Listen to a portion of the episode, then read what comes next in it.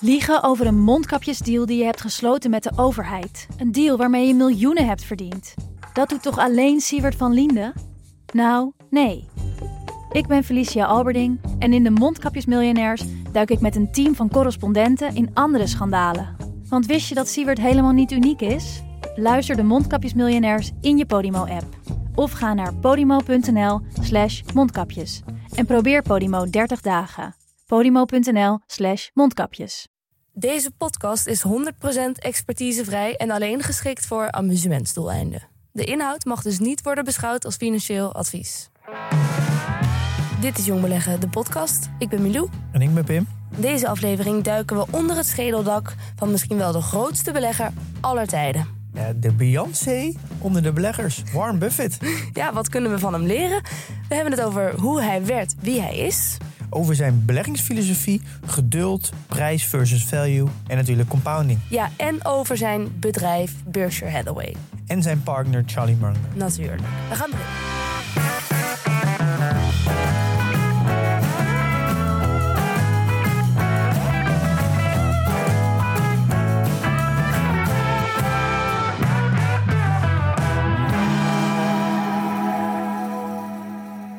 Piem, jij zegt alle grote beleggers zijn leuke mensen. Nou ja, het is een beetje... Ja, leuke mensen, dat is misschien een, een beetje een rare term. Eh, Maar als iemand zeg 20, 30 jaar lang een belegt... en ook een goede performance heeft en een consistent verhaal... want dat is vooral belangrijk, dat je eigenlijk allerlei eh, ja, momenten eigenlijk hebt overleefd. En je ziet heel vaak... Je haalt een beetje de eendagsvliegen eruit. Bijvoorbeeld, je hebt natuurlijk... Chamat heet het volgens mij. Die was heel met die specs bezig. Eh, ik weet even niet hoe ze zijn achternaam heet. Je hebt natuurlijk Katie Woods gehad, die tijdelijk een piek had. Je hebt gewoon heel veel mensen die, die komen even. Die krijgen heel veel aandacht. En dan staan ze misschien zelfs op de Times zoals de nieuwe Warren Buffett. Nou, dat die ook met die eh, van FTX-founder gezien. Is, dan is het tijdelijk een piek en dus iedereen helemaal. eh, dan zijn ze allemaal heel erg lyrisch over diegene. Maar dan op een gegeven moment gebeurt er wat en dan verdwijnt dat weer. En ik denk dat eh, relatief weinig mensen die dat, die dat zo lang volhouden. En juist de, de, soort van de, de consistentie in je verhaal. eh, door alles heen, door alle periodes heen, dat maakt het juist bijzonder. Dus eigenlijk de duration, de, de, de, de duurzaamheid van, van iemands verhaal. Ja, En als iemand het 20, 30 jaar lang hetzelfde verhaal kan houden, eh, in grote lijnen, in de, in de kern hetzelfde. eh, en dat heeft allerlei soorten situaties doorstaan. Ja, dan zit daar gewoon heel veel waarde in. En Ja. dan moet je vaak in, in de kern van, van jou als mens, moet dan ook heel goed zitten, anders lukt je dat gewoon niet. mhm. Zit, er zit zegt zoveel over een persoon. Maar ik snap uiteindelijk wel wat je er leuk aan vindt. Het heeft iets aparts natuurlijk. Want in, in deze wereld en in deze tijd denk dat mensen niet per se de consistenter op zijn geworden. En het heeft iets heel bijzonders als je iets in je hebt waardoor je wel dus heel consistent kan blijven gaan zoals het gaat. En alleen maar ja, groter worden. Ja, het, geeft ook een beetje aan dat je een, ja, soort van, je bent een soort van clear thinker dan. Dus dat je, je kan heel zuiver, schoon denken. Eh, en je laat je niet leiden door, door de situaties die constant in de wereld zich afspelen. Omdat je, als je zo lang hetzelfde verhaal kan zetten. Dus je bent een hele onafhankelijke denker. Denk je dat dat in een mens zit of dat je jezelf dat kan aanleren? Nou, ik denk dat het een combi- een combinatie van beide is natuurlijk.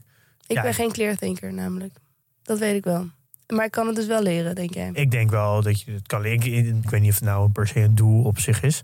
En dat ligt er, ja, sommige mensen eh, willen graag heel succesvol zijn, bijvoorbeeld. En dan zal dat, is dat wel één, denk ik, een van de voorwaarden. Als dat, als dat die drive is.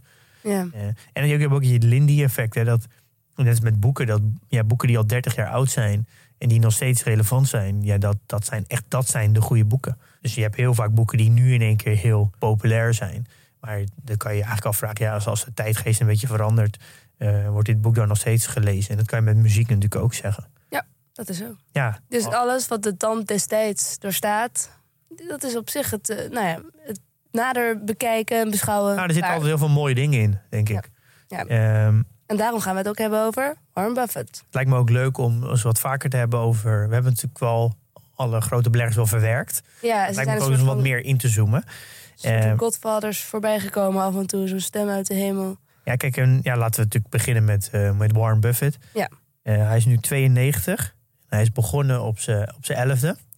Hij belegt eigenlijk al, ja, al meer dan 80 jaar. Hoe bedoel je, hij heeft op zijn elfde het, zijn eerste aandeel gekocht? Ja. Ja, dat was wel in eh, samenwerking met zijn vader. Volgens mij was zijn vader ook eh, handelaar op de beurs. Oké, en die dacht, ik moet mijn zoon dit ook leren. Of ja, wat bezielt je anders om op je elfde een aandeel te kopen? Ja, het, volgens mij is het wel eh, ja, heel fout gegaan hoor, met zijn vader. Volgens mij hebben ze daar op een gegeven moment echt een, eh, een heel groot probleem eh, mee gehad met geld. Geld ging altijd over geld thuis. Mhm. En hij is volgens mij ook eh, op een gegeven moment, ja, ik weet niet, voor mij een keer helemaal blut geraakt. En ook van baan geweest. Op een gegeven moment is hij een winkel begonnen. Maar het is wel, vanaf heel jonge leeftijd was geld al een heel groot ding bij Buffett. En dat is ook denk ik de reden, omdat zijn vader ook een beetje in die wereld zat. Is dat de reden waarom hij op zo'n vroege leeftijd al, eh, al een aandeel had. Kijk, en ik denk dat Warren Buffett eigenlijk het ideale voorbeeld is van hoe je, hoe je compounding kan laten werken. Je, moet, nou, je, moet vroeg, Dat hij be- super oud is. je moet vroeg beginnen en je Ja. moet heel oud worden. Ja. Ja. ja, precies. Op je elfde en hij is nu? Hij is nu 92. Ja, dat is dan, dan gaat het vanzelf natuurlijk. Ja, en dat is misschien wel leuk om echt de kracht van compounding te laten zien. Is dat hij heeft in de laatste 10 jaar, dus sinds hij 82 is, heeft hij zijn vermogen nog verdubbeld. Ah, oké. Dus Dus eigenlijk- echt die, die curve van die hockeystick. Ja, zijn levensverwachting was toen hij geboren was net geen 70. Mhm. Dus hij heeft sowieso al zijn levensverwachting al flink verslagen. Dus vanaf 82 jaar heeft hij tot nu heeft hij zijn vermogen verdubbeld. Dus hij heeft dus net zoveel vermogen verdiend in de laatste 10 jaar als in de eerste 71 jaar dat hij belegt. Dus dat geeft aan wat het effect van compounding is. Ja, Eh, toch tragisch dat het niet andersom werkt. Maar goed, ja. Ja, en natuurlijk een portie geluk natuurlijk dat hij überhaupt zo oud is geworden. Nou ja, geluk. En misschien heeft hij ook wel dus ontzettend naast gewoon geïnvesteerd in de beurs... geïnvesteerd in zijn gezondheid. Nou ja, dat valt dus wel vies tegen. Want volgens mij eh, gaan er best wel geleiden rond dat mensen zeggen... ik heb Warren Buffett nog nooit een slok water zien drinken. Eh, en hij dronk volgens mij een paar blikjes cola per dag. Elke dag. En ging ook eh, altijd, bijna ook elke dag bij de McDonald's. Ja, doet hij nog steeds. Dus het is een soort van raadsel eh, waarom die zo oud is. Goed, ja, het, misschien ook wel, het komt misschien ook wel omdat hij nog steeds werkt. Eh, dus hij werkt, hij is nu 92 en hij werkt nog steeds elke dag. Jeetje. dus dat is ook de reden waarom de compounding goed werkt. Is de meeste mensen stoppen op hun 65ste en hij gaat gewoon door. Met werken. ja, want de meeste mensen beginnen geld uit te geven. Dus Ja, ja, ja. Er komt er niks meer binnen. nee, ja. Maar wat is voor Warren Buffett dan werk? Nou ja, hij is de eigenaar van... eh, en de, eigenlijk ja, de, de CEO van eh, Berkshire Hathaway. Ja, dat, dat weet ik. Maar wat moet hij daar eh, nog actief dan nog... Ja, wat doe je dan eigenlijk? Hij is gewoon de CEO daar. Dus hij eh, maakt Niet uiteindelijk... handelen in ieder geval. Nou ja, hij maakt uiteindelijk de grote beslissingen. Dus ik denk dat de, de, de day-to-day operations, die laat hij wel naar anderen. Maar de, de echte grote beslissingen, dus als er ja, meerdere miljarden positie in wordt genomen, dan weet je zeker dat hij het is. Dus, Ja. eh, Ted en Todd, dat zijn ehm, waarschijnlijk zijn vervangers. Van, eh, maar daar, komen, daar komen we zo eigenlijk ook nog wel even op. Maar die Ja. beheren allebei een paar miljard. Eh, niet exact hoeveel. En hij zei ook in een interview: als de positie een, paar miljard groot is, dan weet je zeker dat die eh, van mij komt. Want dan kan die niet van iemand anders komen. Ja. Want er wordt steeds vaker gevraagd: ja, welke posities in de portefeuille van Berkshire zijn nou van wie? Daar zei hij dat over. Dus, dus je weet wel zeker dat Apple. Eh, die positie die heeft hij bepaald. Omdat daar volgens mij in, de startpositie iets van 25 miljard in ging. Ja. Ehm, Oké, en als het om kleinere bedragen gaat, dan heeft Ted of Todd. de kans is heel groot dat het dan eh, een van zijn investment managers die beslissing nemen. ja, ja, oké. Al weet je natuurlijk nooit, al zal het altijd wel een gezamenlijke beslissing zijn, vermoed ik. Oké. Eh, Maar goed, nog even terug in de tijd dan. Want wat is dit nou? Wat heeft hij bijvoorbeeld gestudeerd? Hoe was hij als kind? Ik wil alles weten. Ja, het, het- eigenlijk is het echt een, een beetje een businessman. Dat zie je denk ik toch wel veel hoor. Dat de meeste, In kindergarten was hij al een businessman. nou, dat de meeste eh, grote beleggers eigenlijk ook ondernemers zijn. Het is ook je- de meeste hebben ook natuurlijk een onderneming. Want ze hebben het vermogen dat je vergaart. Dat doe je natuurlijk via een fonds of een, of een hedge fund. Zo, geval, dat is natuurlijk ook een onderneming. Dus het is natuurlijk niet, je bent niet alleen maar puur belegger. Nee, nee, nee. Eh, dus het zijn natuurlijk eigenlijk allemaal ook ondernemers. En hij komt eigenlijk uit, eh, uit Omaha. Dat is eh, in Amerika, is een staat Nebraska. En daar heeft hij eh, bedrijfskunde gedaan en later een eh, Columbian Business School heeft hij een economiediploma gehaald. Oké, hij heeft economie gestudeerd. Ja. Ja. Eh, en hij was al heel vroeg bezig met, eh, met geld verdienen. Hij begon met de krantenwijk, als ik me goed herinner. Ik ook. Eh, ja, de meeste mensen, hij is ook. Eh, en daarna is hij al heel snel eh, is die van die, eh, ja, het is een soort van, van die speelautomaat. Een beetje die, eh, Oh ja. die, die je vaak, eh, vroeger heel vaak zag in, in kroegen en eh, snackbars en zo. Die automaten die, is, die zijn die gaan kopen. En die is die dus weg gaan zetten. En die is die dus, zo is die dus, heeft hij dus eigenlijk een soort van ja, eh, die verhuurder die eigenlijk had hij gewoon huurinkomsten. En van die huurinkomsten is hij een nieuwe gaan kopen. En zo is dat eigenlijk een beetje doorgegaan. Ja. Dat is eigenlijk zijn eerste prille begin geweest van zijn ondernemerscarrière. Waar je ook dus eigenlijk al in terugziet dat hij inderdaad altijd wel echt met geld verdienen bezig was. Ja, heel jonge leeftijd al. Ja. Eh, en hij heeft, hij heeft ook heel veel risico altijd genomen in de jongere jaren. Toen het Oh. nog relatief weinig geld, toen het nog over honderdduizend of miljoenen ging. Maar dat is inderdaad dus precies wat je zou zeggen. Dat is de strategie van een belegger. Als je jong bent, dan ben je wat offensiever. Naarmate je ouder wordt, ga je defensiever zitten. Heeft hij dat gewoon instinctief begrepen, denk je? Nou, dat is Dat wel- dat een pad was wat je als belegger zou doorlopen? Nou, eh, in het begin heeft hij groot deel van zijn vermogen vergaard. Dus niet door echt te beleggen. Niet in de vorm van hoe hij dat nu doet. Door een eh, bedrijf op de beurs te kopen en dan te wachten. Hij heeft vooral heel veel, ja, gewoon zelf ook heel veel gedaan. Dus mee participeren in bedrijven. Of een heel bedrijf kopen en dan runnen. Dus, eh, een hele, dat is een hele andere vorm van beleggen. Ja, maar het is Niet wel ook echt beleggen. inschatten van dat je, investeren. dat je blijkbaar bezig bent met risico nemen. wat je je kan veroorloven op die leeftijd. Je moet gewoon grote dingen doen, anders wordt het niks. Ja, nou, ik denk dat je, dat je het beste, als je, als je daarover gaat praten, is volgens mij veel beter op jonge leeftijd gewoon al het geld wat je hebt, gewoon investeren in jezelf.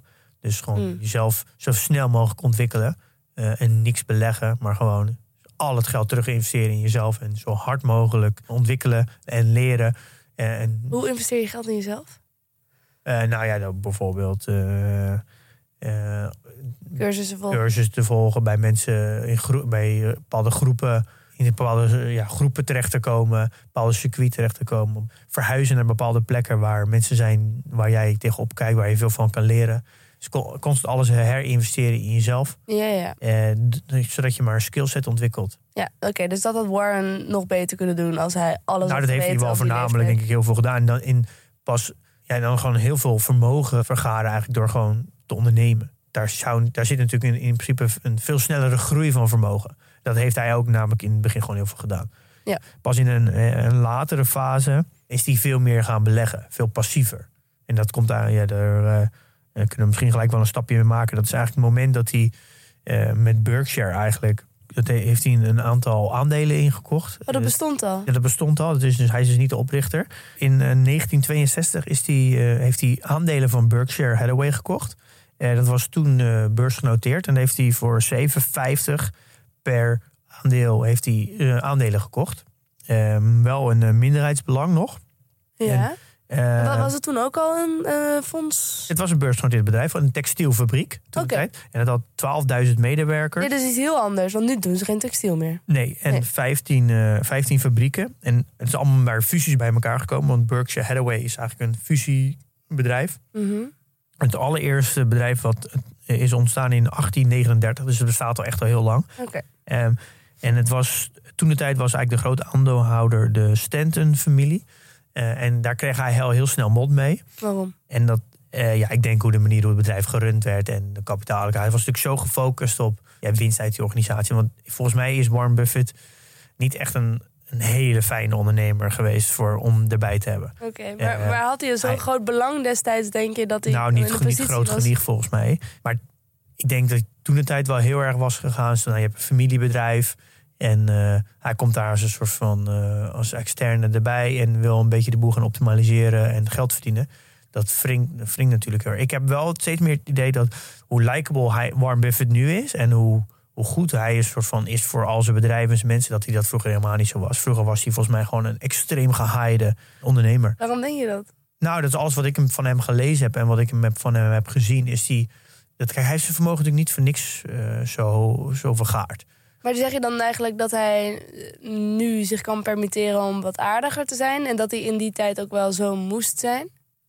Ja, maar Begin? je, je, je wordt niet eh, een succesvol ondernemer als je maar gewoon lief bent voor iedereen. Zo werkt het natuurlijk. Maar je kan wel succesvol blijven en lief zijn. Ja, maar je, en je ziet gewoon dat, het, dat hij gewoon veranderd is natuurlijk. De, de laatste 20, 30 jaar, dat is een beetje waar wij hem een beetje van kennen.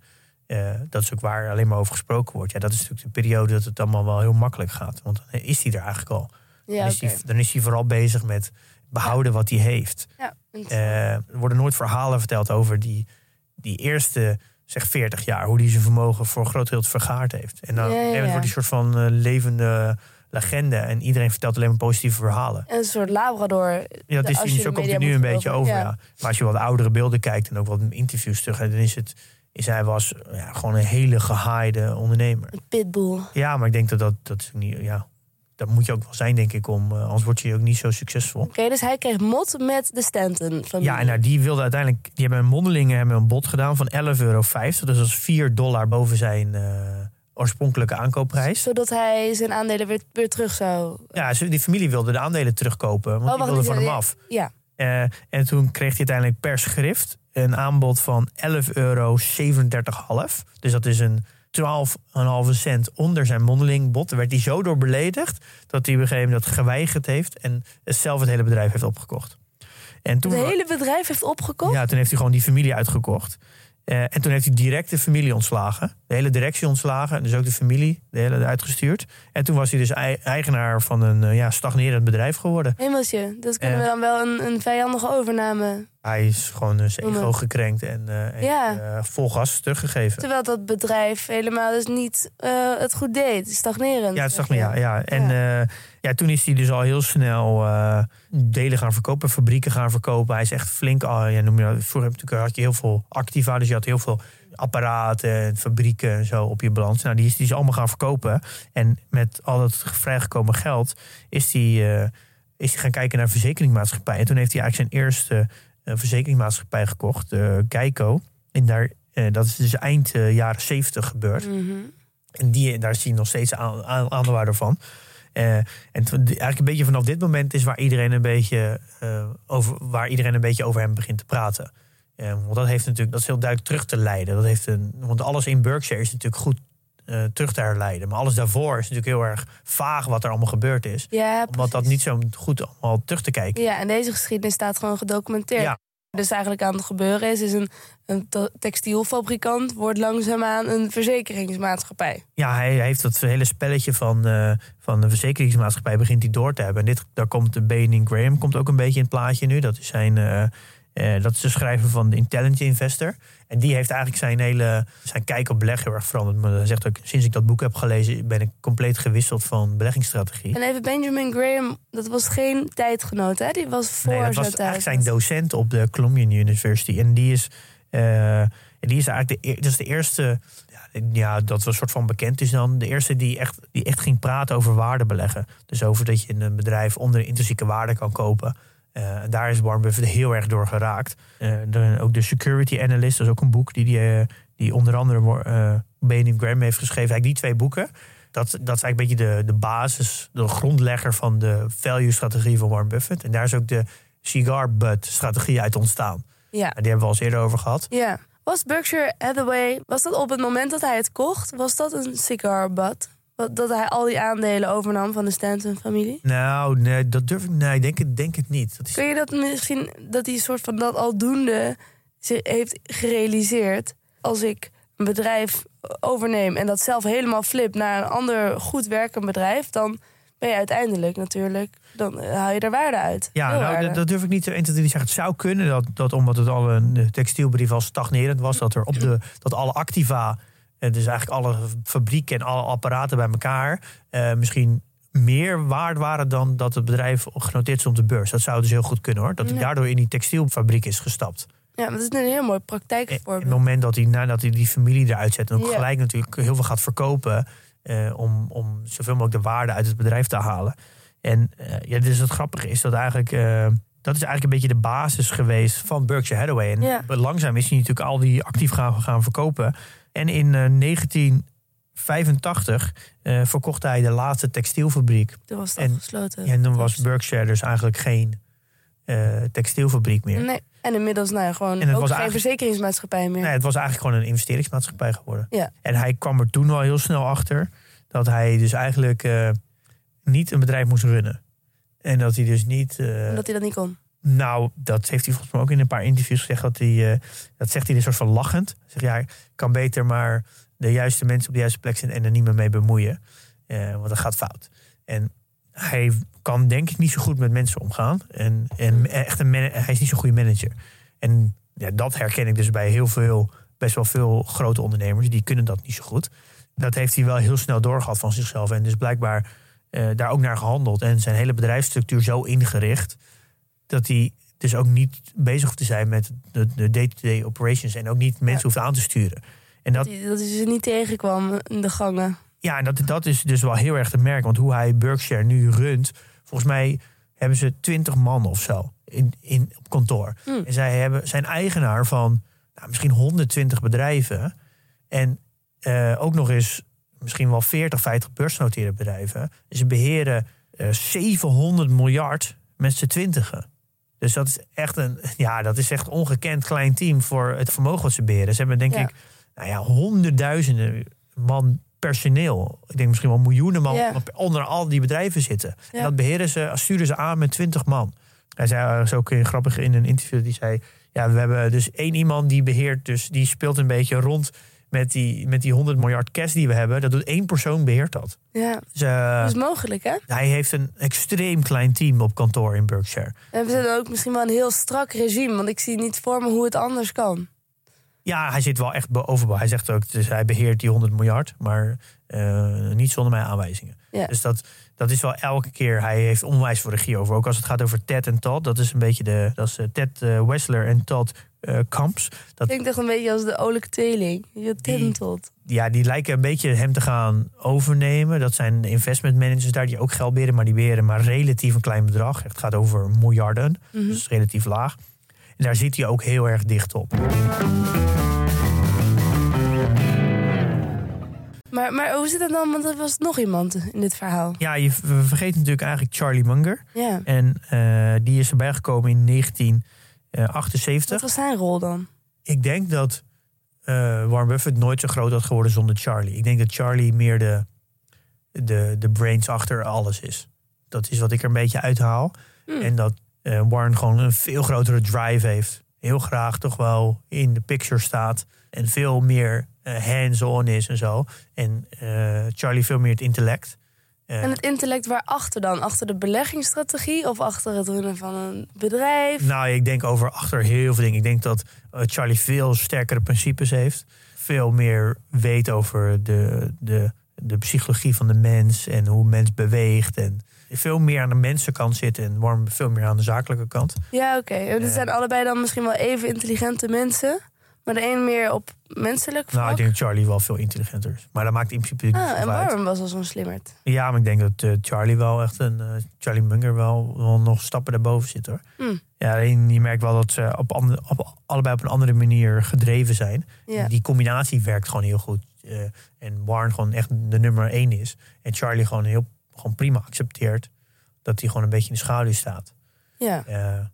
Eh, En maar dat ze dan onderling ook geen strijd hebben. Als ze door hele verschillende dingen gedreven worden, zou dat ook kunnen leiden tot frictie. ja, ik denk dat, dat ja, er is natuurlijk daar sowieso een overvloed aan alles. Dus die frictie is niet echt nodig. Wat bedoel je? Nou ja, er is daar in principe altijd een overvloed. Eh, Of het nou een overvloed aan tijd is of aan geld. Of aan, ze kunnen letterlijk alles doen wat ze willen. Er is letterlijk geen beperking. Dus de enige reden waarom daar een frictie kan ontstaan is door ego. En als, als dat er niet is, of in ieder geval bij één iemand niet, dan ontstaat er ook geen frictie. Hm. En ik denk dat dat veel knapper is van Charlie om een, een heel leven een, een beetje in de schaduw te staan van iemand. Dan dat het dan van nummer één is om met een nummer twee om te gaan. Er zijn heel veel goede nummer één, maar ik denk dat een goede nummer twee is veel meer bijzonder. En vind, ja, vind, als je een goede nummer twee vindt en, dat, dat, en daar een goede duo voor kan vormen, dan kan je veel meer succes bereiken. Ook weer wijze les. En Charlie die heeft er denk ik een beetje voor. Die zat wel echt op de kwaliteit. En Warren Buffett veel meer op de, de value. En ik denk dat ze eigenlijk een soort van. Van de hy- aandelen van het bedrijf die ja, ik denk dat ze daar een soort van hybrid variant hebben van gemaakt. Van eh, kwaliteitsbedrijven voor een goede prijs. Ja. Dat is een beetje de filosofie geweest. Of nog steeds eigenlijk voor Berkshire. Dus dus echt, echt het succes van Berkshire is natuurlijk wel. Ja, hebben ze wel echt samen gedaan. Want de echte grote successen zijn natuurlijk later gekomen. En ja, daar zijn ze wel echt onbekend, denk ik. Berkshire gewoon Ja. hele goede bedrijven vrij goed spotten. Vrij vroeg ook. En, daar, en dan daar vol ingaan. En dan eh, ook niet meer, niet meer uitstappen. Want, want als we naar zijn portfolio kijken, want we, je hebt wel eens bedrijven genoemd die erin zitten. En dat- McDonald's volgens mij, hè? Ja, Daar ik gaat denk, hij natuurlijk ook heen. Maar hoe ziet zijn portfolio er verder uit? nou, ik denk dat ja, zijn portfolio is natuurlijk ook door de jaren heen veranderd. Ja. Eh, hij heeft altijd heel zwaar in verzekeringsmaatschappijen gezeten en in, eh, en in de financials. Die begrijpt hij natuurlijk heel goed. Eh, maar moet, je moet denk ik wel even zijn portfolio in, in twee kanten zien. Je hebt ongeveer 45% eh, is beursgenoteerd. En 40 Oh ja. is niet beursgenoteerd. Oké. En, Jan, en 15% is in, in cash. Je kan natuurlijk alleen zijn portefeuille zien die beursgenoteerd is. En de rest kan je, ja, dan kan je wel zien welke bedrijven die eigenaar van is. Maar die kennen mensen vaak natuurlijk niet. Dus dat is, dat zijn, zijn splitsing. En hij heeft 15% in cash. En volgens zijn beursgenoteerde portefeuille is dan 40% in Apple. Dus dat is echt wel substantieel groot. En dan de nummer twee is Bank of America. En daarna heb je Chevron en Coca-Cola en eh, American Express en eh, Occidental Petrol. Dus dat zijn eigenlijk allemaal eh, ja, of olie en financiële instellingen. En Heinz. Ja, en dat wordt steeds kleiner, maar dan gaan we al richting 2% eh van. Ja, dus oké. Dat gaat ook over heel veel geld, hè? Ja, het gaat overal meer. Je moet ook altijd bij, al met percentages kijken. Oh ja. En van de niet beursgenoteerde bedrijven, dan moet je bijvoorbeeld denken aan Duracell. Daar ken je wel, denk De batterijen. Ja, daar hij eigenaar van. Seas Candying en Geico en Forest Rivers, concurrent van uh, Tor Industries die ik heb.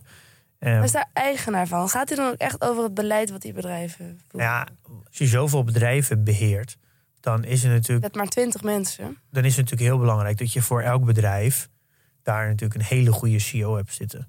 Ja. hij hecht natuurlijk heel veel waarde aan degene die het bedrijf leidt. Daar zal die, daar zal die ja, door zijn eh, netwerk, en omdat hij al zo oud is natuurlijk, gewoon heel veel mensen kennen. Dus precies weet wie die waar moet neerzetten. Ja. Maar hij heeft dat natuurlijk eh, ja, door de jaren heen moeten leren. Dat, eh, ja, hoe kan hij nou de ideale persoon vinden die, om, die een bedrijf runt? Kijk, nu eh, kan hij dat heel goed aanvoelen. Maar daar heeft hij natuurlijk ja, daar heeft hij wel 60 jaar over gedaan om dat goed Ja. te kunnen. Ja. Je kan ook, doe ook niet anders. Eh Zie zoveel bedrijven die. In principe is dat ook het beste natuurlijk. Zet iemand neer die, die dat bedrijf runt. En laat hem lekker 20 jaar dat bedrijf runnen. Dan heb je daar een omkijken naar. Maar, eh, maar naast gewoon heel veel eh, financieel kapitaal... heeft hij dus ook heel veel gewoon kapitaal aan netwerk, aan gewoon vaardigheden. En dat is ook allemaal niet te verwaarlozen natuurlijk in dit verhaal. Hij weet zoveel, hij kent zoveel mensen. Ja, natuurlijk. Dat is Hij dus, heeft een- hij, kenniscompound ook natuurlijk. Ja, hij is ook gewoon de, de meest bekende geworden, omdat hij ook gewoon zo oud is geworden en nog werkt. Dat moeten we echt niet onderschatten. Want als hij op zijn 65ste was gestopt, Ja. Dan had, had hij nooit zo bekend geweest als nu. Dat is, dat is ook echt wel een heel belangrijk punt. Want de meeste, dat is, hij, heeft zo, hij heeft dus zo blijkbaar zo'n drive om door te gaan. Dat de meest, echt 9 van de 10 mensen zullen al lang gestopt zijn als ze op pensioenleeftijd bereiken. Dus er zullen misschien heel veel mensen zijn die misschien wel die veel beter zijn, of misschien qua performance veel beter doen. Maar zo vroeg stoppen, waardoor ze eigenlijk nooit bekend worden. En dus nu is hij eigenlijk nog wel echt een, grote, nou, een groot voorbeeld voor heel veel beleggers. Zouden we, hoe, als je hem eh, in de wereld moeten omschrijven, hoe belangrijk is hij voor beleggers?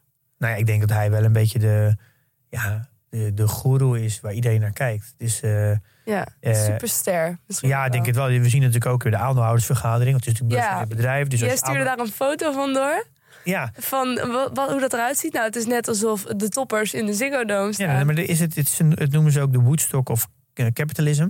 Oh ja. Eh, daar gaan 40.000 mensen heen. Die, die staan dan urenlang in een rij, s ochtends vroeg, om naar binnen te gaan, om een goed plekje te hebben. Ja, en dat gaat dan zes uur lang gaan ze het hebben over. over ja, ja, volgens mij gaat het maar kwartieren over Berkshire zelf. En dan de rest zijn alleen maar vragen aan deze heren. ja. eh, dat is dan de aandeelhoudersvergadering. Ja, het is, meer, het is gewoon een festival. Ja. Eh, Ik wij zaten bij Justy Takeaway onder een systeemplafond in het Hilton Hotel. Dat is het nog wel. nou ja, het is, het is echt te vergelijken met dat gewoon iemand onder de douche zit te zingen. En, en, en een Beyoncé die in het stadion staat. Dat is zo groot is Zo het groot verschil. verschil, ja. Eh, ja, en, en dat, ja, het is natuurlijk al, als je zo lang eh, zo'n goede performance hebt. En dan word je op een gegeven moment soort van, ja, dan word je gewoon een levende legende. En hij heeft ook eh, al zijn aandeelhoudersbrieven. Die zijn ook heel interessant om te lezen. Zijn, ik heb ze even op de website gezet. In die show notes kan je zien. Daar heb ik een linkje naar alle brieven gedaan. Aandeelhoudersbrieven? Ja, hij schrijft elk jaar een, een aandeelhoudersletter. Dus dan, dan schrijft hij naar al zijn aandeelhouders over hoe het bedrijf, hoe het bedrijf gaat. Hoe hoe het met Berkshire gaat. Maar er zitten natuurlijk ook allemaal lessen in verwerkt. Dus eh, hij legt uit de keuzes die hij maakt, waarom hij maakt. En eh, ja, er zit ook altijd een soort van tijdge- tijdgeest in. Dus Ja. er zitten gewoon heel veel lessen in eh, verborgen. Maar ja, je kan ze allemaal gaan lezen. Maar er zijn ook heel veel websites, ook, ook een linkje naar in de show notes. Die ja, de, de leuke, goede punten, de lessen uit al die letters halen. Dan krijg je een soort van samenvatting te zien. En als je de aandeelhoudersvergadering wil kijken, die, zijn, die kun je ook gewoon terugkijken. Hè? Als je, je hoeft niet helemaal naar Nee, je kan op YouTube kun je dat allemaal terugkijken. Ja. Je hebt echt versies die zijn gewoon de hele, gewoon die zenden alles uit zes uur lang. Maar je hebt ook versies die zijn geknipt. Ja. Dus, eh, ja, nu eh, de, de echte filosofie van, eh, van Warren Buffett, ja, dit is wel een beetje bekend. Is gewoon echt waarde beleggen. En dat is ja, zoeken naar aandelen die, die goedkoper zijn dan ze daadwerkelijk dan, dan dat het waard is. Ja, En dat is natuurlijk wel subjectief, maar dan in ieder geval voor hem goedkoper. ja. En daar kom je achter door de fundamenten van een bedrijf. Ja, en ik, denk- ik, ja, ik denk dat hij dat voornamelijk ook wel een beetje op gevoel doet. Dus gewoon heel lang een bedrijf al volgt. En dus, dus ziet dat het fundamenteel goed is, dat het een sterk bedrijf is. En dan wacht hij gewoon heel lang tot het een aantrekkelijke prijs heeft. En dan slaat hij toe. En eh, ja, dat doet, hij, eh, dat doet hij toch vrij goed. En, Ja, eh, en lang.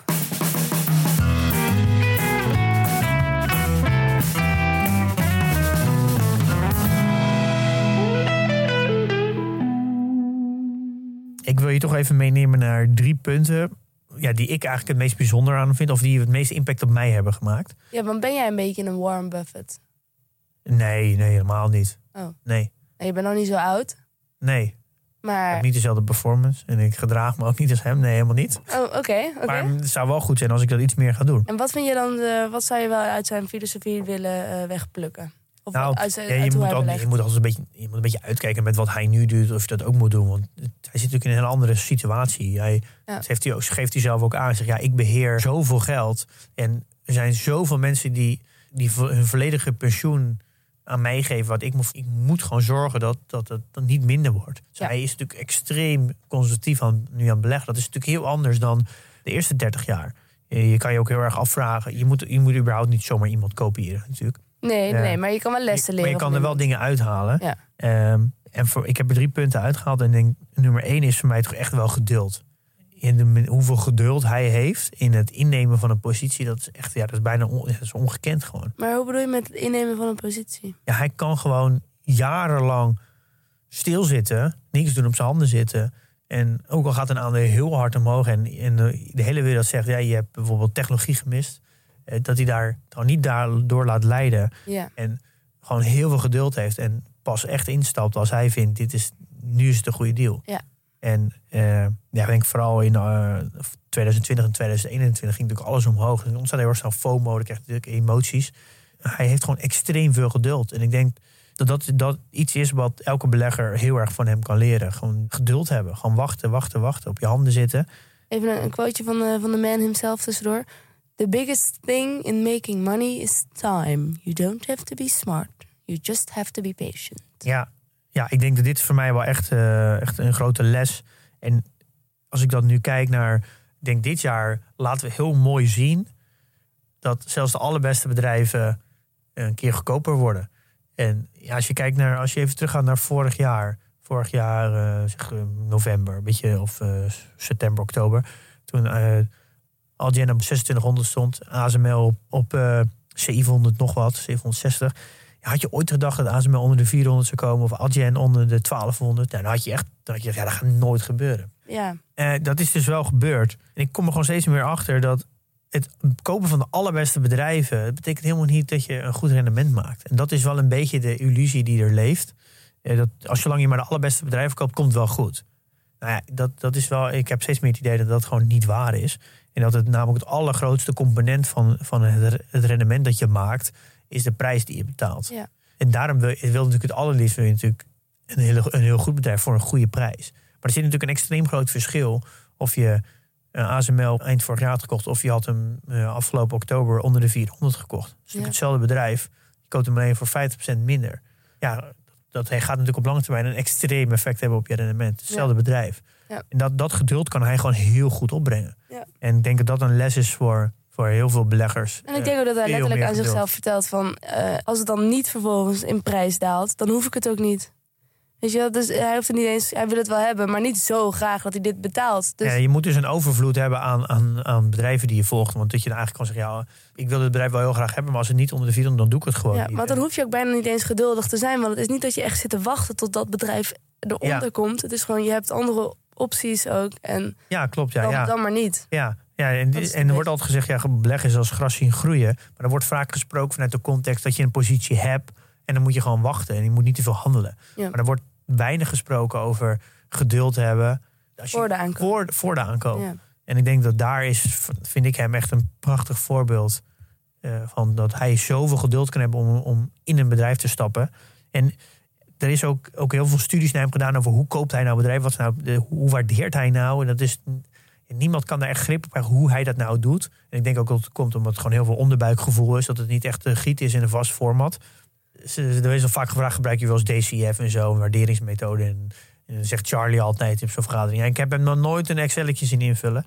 Eh, en dan zeg je, ja, het moet altijd op, eh, op een bierveeltje moet, eh, moet, moet het aantrekkelijk zijn. Ja. En dus hij wacht gewoon net zo lang dat het een, ja, zo'n overduidelijk goede koop is. Ja, Dat je eigenlijk een Excel overbodig dat is. is eigenlijk wat hij zegt, Eh, hè, inderdaad. Ja. Ja, en dan eh, soms zie je gewoon bedrijven dat je denkt, ja, dit klopt voor geen meter. Dit is zo goedkoop. En dat is het moment dat hij instapt. En nu recent heeft hij TSMC gekocht.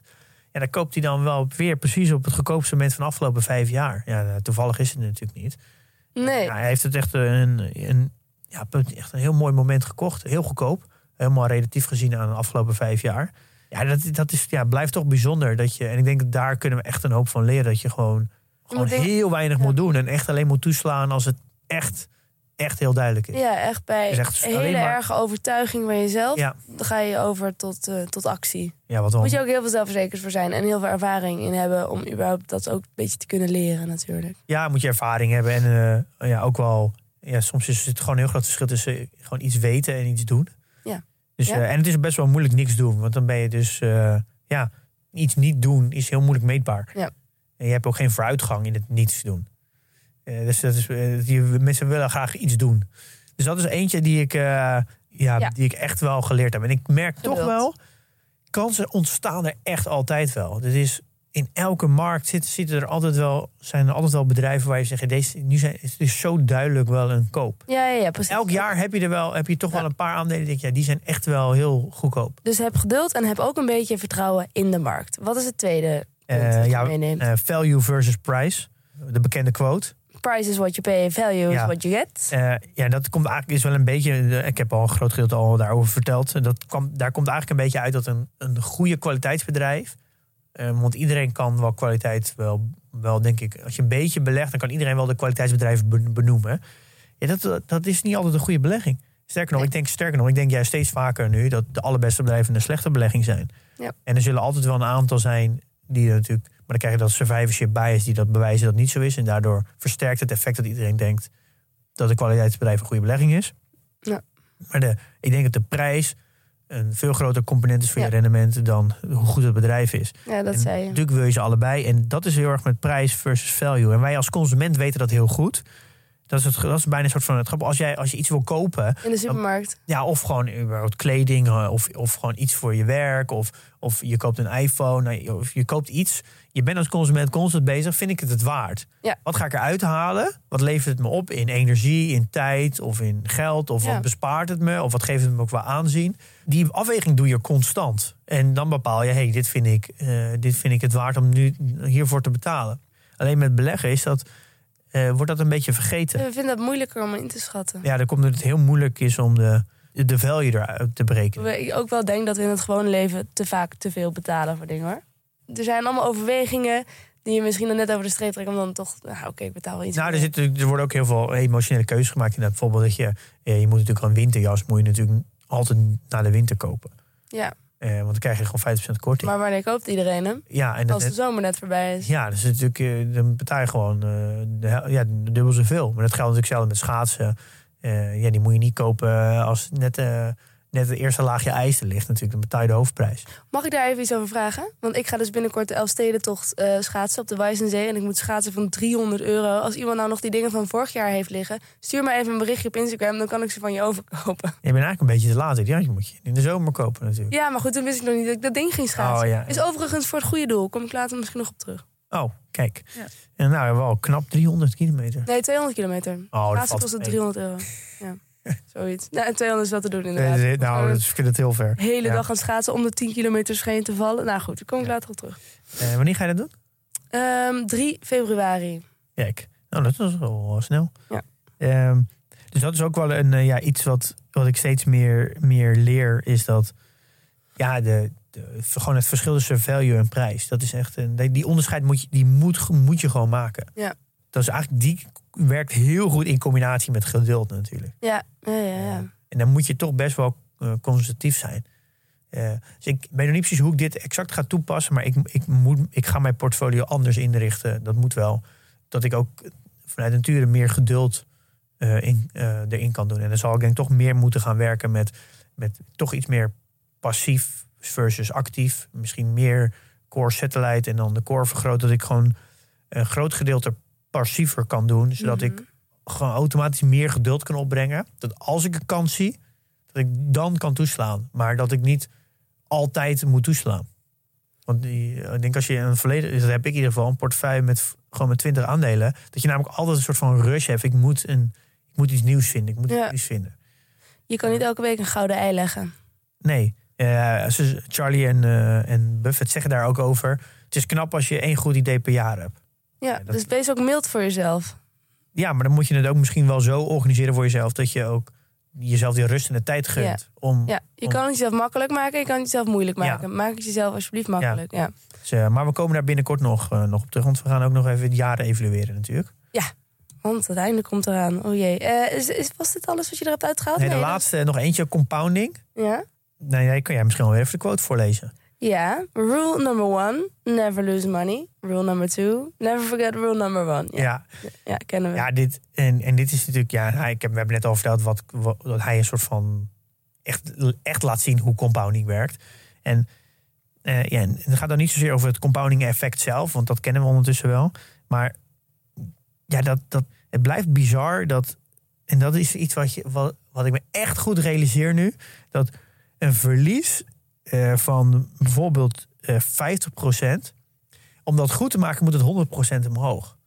En dus dat, Ja. en dat is wel iets dat ik steeds meer, dat ik gewoon goed realiseer. Dat, dus als je te veel, dus eigenlijk als je niet geduld hebt, te veel betaalt voor het aandeel en daardoor zakt naar de soort van eh, ja, gemiddelde of gewoon een, oh, eh, ja, een geaccepteerde waardering, dan duurt het zo lang voordat je dat verlies weer goed maakt. En deze drie eigenlijk voor- zijn voor mij eigenlijk de samenvatting van zijn beleggingsfilosofie en strategie. En ik denk dat dit, dit is in principe in elke, of je nou groei of value doet, in alles toe te passen.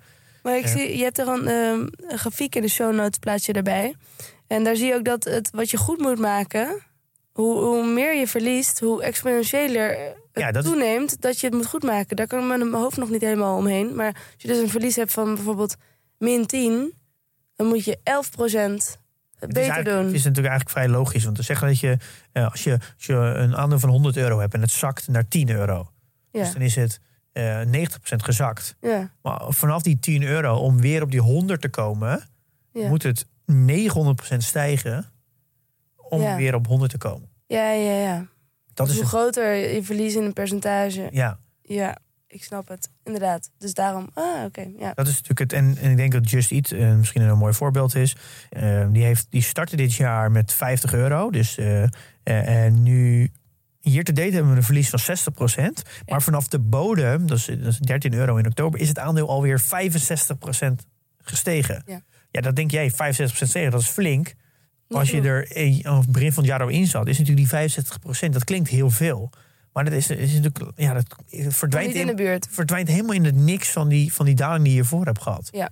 En dat is natuurlijk dat instapmoment. Als je natuurlijk in oktober bent ingestapt. Ja, nee, kijk je gewoon tegen de 65% rendement aan. Ja, dat is echt gigantisch. Dat is voor een aandeel natuurlijk echt heel veel. Ja, leuk. Degene, ja. Maar dat die 65% stijging, dit is voor iedereen die er al begin van het jaar in zat, natuurlijk helemaal niks. Op dat aandeel dan. Dus dat is, als je het verlies eh, wil goedmaken, eh, vanaf de bodem, dus vanaf dat, die 13 euro, dan moet het een eh, stijging hebben van 284 procent. ja. Ja, dat is echt gigantisch. Nou, er zijn amper aandelen die zo hard stijgen. ja. Dat, is, dat komt bijna nooit voor. Dus dat is, het geeft aan wat, ja, wat voor stijgingen het nog moet meemaken om weer om gewoon kiet te komen. En dan heb je dus eh, vanaf nu, vanaf de huidige koers, moet het dus om met 138% stijgen. Eh, om die 58% verlies van dit jaar goed te maken. Ja. Dus eh, dat, is echt, eh, ja, dat is echt flink. Ja. Dus het geeft heel erg aan dat een, hoe moeilijk het is om een, verlies, een flink verlies goed te maken. ja. Dus eigenlijk is het, ja, die combinatie is betaal niet te veel. He- heb geduld daardoor. Want prijzen gaan echt wel een keer zakken. Compounden. Ja. Het leidt allemaal naar het En compounden. dit is, ja, voor mij, dit is al zo vaak herhaald. Maar ik, ja, dat klinkt misschien heel eh, gek, maar voor mij begint dit nu echt te landen. Ik begin dat nu te voelen. Ja. En ik heb ook gezegd, ja, dit, nu, dit moet ik gaan toepassen. En dit is, dit is voor mij wel echt een leercurve. Is dat, er zit zo'n groot verschil tussen gewoon iets weten, gewoon iets lezen en dan tot je nemen. Ja, dat, En het daadwerkelijk- zei je dat net. Ja, en daadwerkelijk ownen. Gewoon Doen. voelen. In elke vezel voel je dit. Ja. En, dat, en dat, is, dat, dat is die leercurve die je meemaakt. Ja. Ja. en nu is het voor mij wel de taak om het de komende jaren natuurlijk ook te gaan toepassen. Ja. Succes daarmee.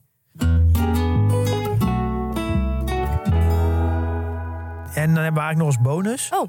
Ja, die kan ik toch. Ja, daar hebben we het al even over gehad, maar dat is de reputatie.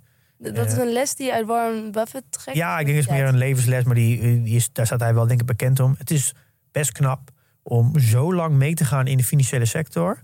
En ja, niks aan je kerfstok te hebben en nog steeds eh, een hoop po- positiviteit om je heen te hebben. Dat is, dat is bijna niet te doen. Er zijn, weet je hoeveel mensen wel niet af zijn gegaan in die financiële sector? Het is, het, lijkt, het is een soort van slangenkuil waar iedereen een soort van eh, vergaat in hebzucht en ego. En, Ja, eh, ja. iedereen gaat wel een keer ten onder. Ja, it takes 20 years to build a reputation and 5 minutes to ruin it.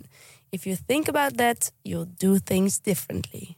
Ja, en ik, dit is toch wel, eh, het was best knap, denk ik. Dat je zo lang consistent een reputatie kan bouwen. Nou ja, En het, herinner je dus aan dat het in vijf minuten eh, dat je het kan Ja. ruïneren en dan doe je het misschien niet. Eh, dus het, de gij geeft ook heel erg aan dat die reputatie, die vertrouwen die je creëert, dat je op lange termijn ook terug gaat betalen. En dat, dat heeft hij ook een paar keer laten zien. Ik denk dat het begon eigenlijk met die eh, Salomon Brothers. Daar kunnen we zo wat laten horen.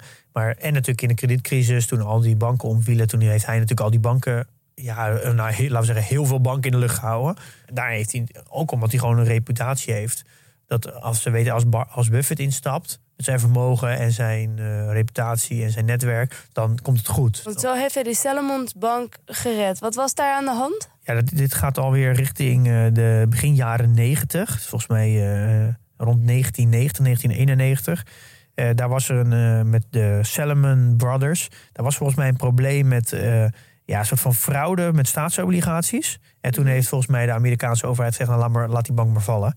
We gaan Dus- hem sluiten. Ja, en toen, en toen dachten ze, ja, hoe gaan we dit redden als aandeelhouders? En toen hebben ze, dachten ze maar aan één persoon. De enige die dit kon redden was Buffett. Waarom Buffett? Ja, omdat hij een, een, heel grote reputatie had. In, Als een hele rijke man. Nee, ja, en als iemand die te vertrouwen is en die, eh, eh, die eerlijk is. Dus toen hebben ze hem aangesteld. Toen is hij volgens mij ook, ook ingestapt. Volgens mij heeft hij het ook een financiering eh, verstrekt. En hij heeft denk ik voor hem ook aandelen gekregen. En is toen ook toen nog de CEO geworden. En Maar heeft, dat wilde hij toch juist niet? Want hij wilde ja, maar met mensen dat is omgaan. pas later geweest, denk ik. Oh. Eh, dit is ook even van- voor mij zijn laatste eh, actieve rol. Toen heeft hij. Hij werd CEO. ja, maar ik denk ook meer interim hoor. Ik weet niet hoe lang hij dat gedaan heeft, maar niet lang volgens mij. En toen moest hij dus, omdat er was natuurlijk een groot schandaal van dit bedrijf. En dan- hij moest daar ook voor het eh, een soort van getuigenis afleggen voor de members of Congress. Ja. Dat ging volgens mij over waarom gaat, ja, wat ga je er nu aan doen zodat het niet nog een keer gebeurt. En eh, ja, daar heeft hij eigenlijk de, de volgende legendarische woorden gesproken. Luister maar. I thank you for the opportunity to appear before this subcommittee. I want the right words and I want the full range of internal controls. But I also have asked every Solomon employee to be his or her own compliance officer. After they first obey all rules, I then want employees to ask themselves whether they are willing to have any contemplated act appear the next day on the front page of their local paper to be read by their spouses, children, and friends, with the reporting done by an informed and critical reporter. If they follow this test, they need not fear my other message to them. Lose money for the firm, and I will be understanding. Lose a shred of reputation for the firm, and I will be ruthless. Ja, dat is duidelijk, ja. En dit moment in september 1991 was eigenlijk het moment dat Amerika kennis maakte met de heer Buffett. Dit is eigenlijk het moment dat hij echt publiekelijk bekend werd. het En- volk, ja. Want, ja, en ja. want, eh, daarvoor was hij vooral bekend natuurlijk in de financiële wereld. En dit is eigenlijk de manier. Dit is eigenlijk het moment geweest dat de rest van Amerika met hem leren kennen. En eh, ook al- ja, eigenlijk als een soort van eerlijke man ja. eh, overkwam. Echt een, een- de, de bruggen bouwen tussen Ja. Main Street en Wall Street. Hij zegt uiteindelijk, geld is niet eh, het belangrijkste. Hè? Een euro meer of minder. Het gaat erom ja, wat je reputatie is. Wat, hoe, je, hoe je bekend staat Ja. in de rest van de wereld. Dus het is een, een. Ja, ik denk dat dit eigenlijk vanaf dit moment. is hij eigenlijk een beetje bij het gewone publiek bekend gaan worden. En mm, toen is eigenlijk. Ja, langzaam is zijn imago daar alleen maar op gegroeid. Dus dat is, eh zeg even, eh, 30 jaar tijd. Ja. Dus dat is ook iets, we denken... Of eh meer misschien wel een levensles dan een beleggersles, hè? ja, is meer een levensles, ja. Want als je geen geld hebt, dan kun je misschien nog wel... mm, Ja. Maar ja, kijk, je, je kan... Kun je dan iets met je reputatie? Als je een reputatie en netwerk hebt en, en ervaring, kijk, dat is iets wat niemand kan afnemen. Dus je kan best wel ag- ja, zo agressief ondernemen in de vorm van risico nemen. eh, een soort van swing to the fence doen. Maar als het mislukt, ja, dat maakt eigenlijk niet zoveel uit. Want je hebt nog steeds je, je reputatie, je netwerk en je ervaring. Dus het, is, het moet in principe veel sneller zijn. Veel, het moet sneller gaan om weer op hetzelfde punt te komen waar je hiervoor was. Ja. En ja, als je natuurlijk, eigenlijk dat is ook een ding. Als je weet dat je 92 wordt, dan is het misschien ook nog belangrijker om je aan je reputatie te werken. Zou die het geweten hebben, Pim, denk je? Misschien moet je er ook altijd naar handelen alsof je, alsof je 90 wordt. Dat lijkt me sowieso. Doe alsof je het weet. Wordt allemaal 92. Eh, wat een man. Ja, ja ik weet natuurlijk dat, dat het natuurlijk zo'n, aflevering natuurlijk veel te kort is om überhaupt 92 jaar. een samenvatting te geven. En het is natuurlijk heel erg mijn perspectief. En ik heb ook maar ja, relatief weinig. Ik heb er wat boeken gelezen en wat podcasts geluisterd en video's gekeken. Dus, dus ik, ik heb ook maar een kleine uitsnede van. Nou, ik vind het wel leuk. Ik heb hem wel Ja. beter leren kennen. Maar ik heb, Ook al hoorde ik die quotes natuurlijk al altijd. ja, dus eh, ja, het zijn wel, eh, kijk, het is misschien een beetje cliché vaak, maar er zit wel vaak heel veel lessen in.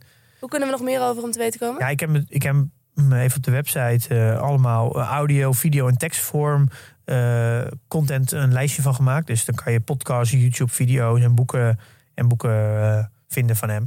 Het is een beetje een, lijstje waar ik mijn informatie een beetje vandaan heb. als je er iets meer over wil weten. Ja. En we hebben natuurlijk al verteld, die Acquired podcast, die heb ik al een keer getipt. Met Warren Buffett over Berkshire Hathaway. Die duurt volgens mij bij elkaar al zes uur. Oké. Dus die gasten gaan zes uur lang in op Berkshire Hathaway. Dus Ja. dit, is, dit is natuurlijk maar mini, een mini versie daarvan. Dus er, zijn, er is zoveel content over. We hebben het even voor je samengevat. Ja, daar komt het op neer. Nee, daar- die lijst staat dus in de show notes. Die kun je daar vinden. En dan zit het er voor ons alweer op. Pim, wat doen we volgende week? Ja, volgende week hebben we een, eh, een gast, Patrick Pearson.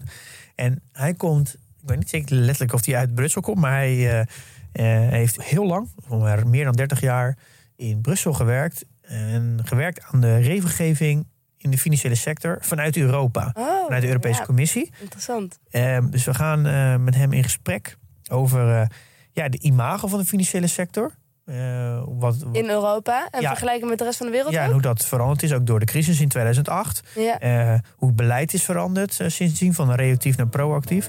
Hoe worden toekomstige crisis voorkomen in de financiële sector. En natuurlijk nog even een toegift, waar we het, daar wil ik ook nog even over hebben. Europa en alle nationale toezichthouders. En dan met de nationale toezichthouder bedoel ik AFM. Hoe is Ja, dat ja. spel tussen de BaFin in Duitsland en de AFM en Europa? Oké, nou, interessant onderwerp. Ehm, kijk naar uit. En in de tussentijd, jongens, investeer in je kennis en beleg met beleid.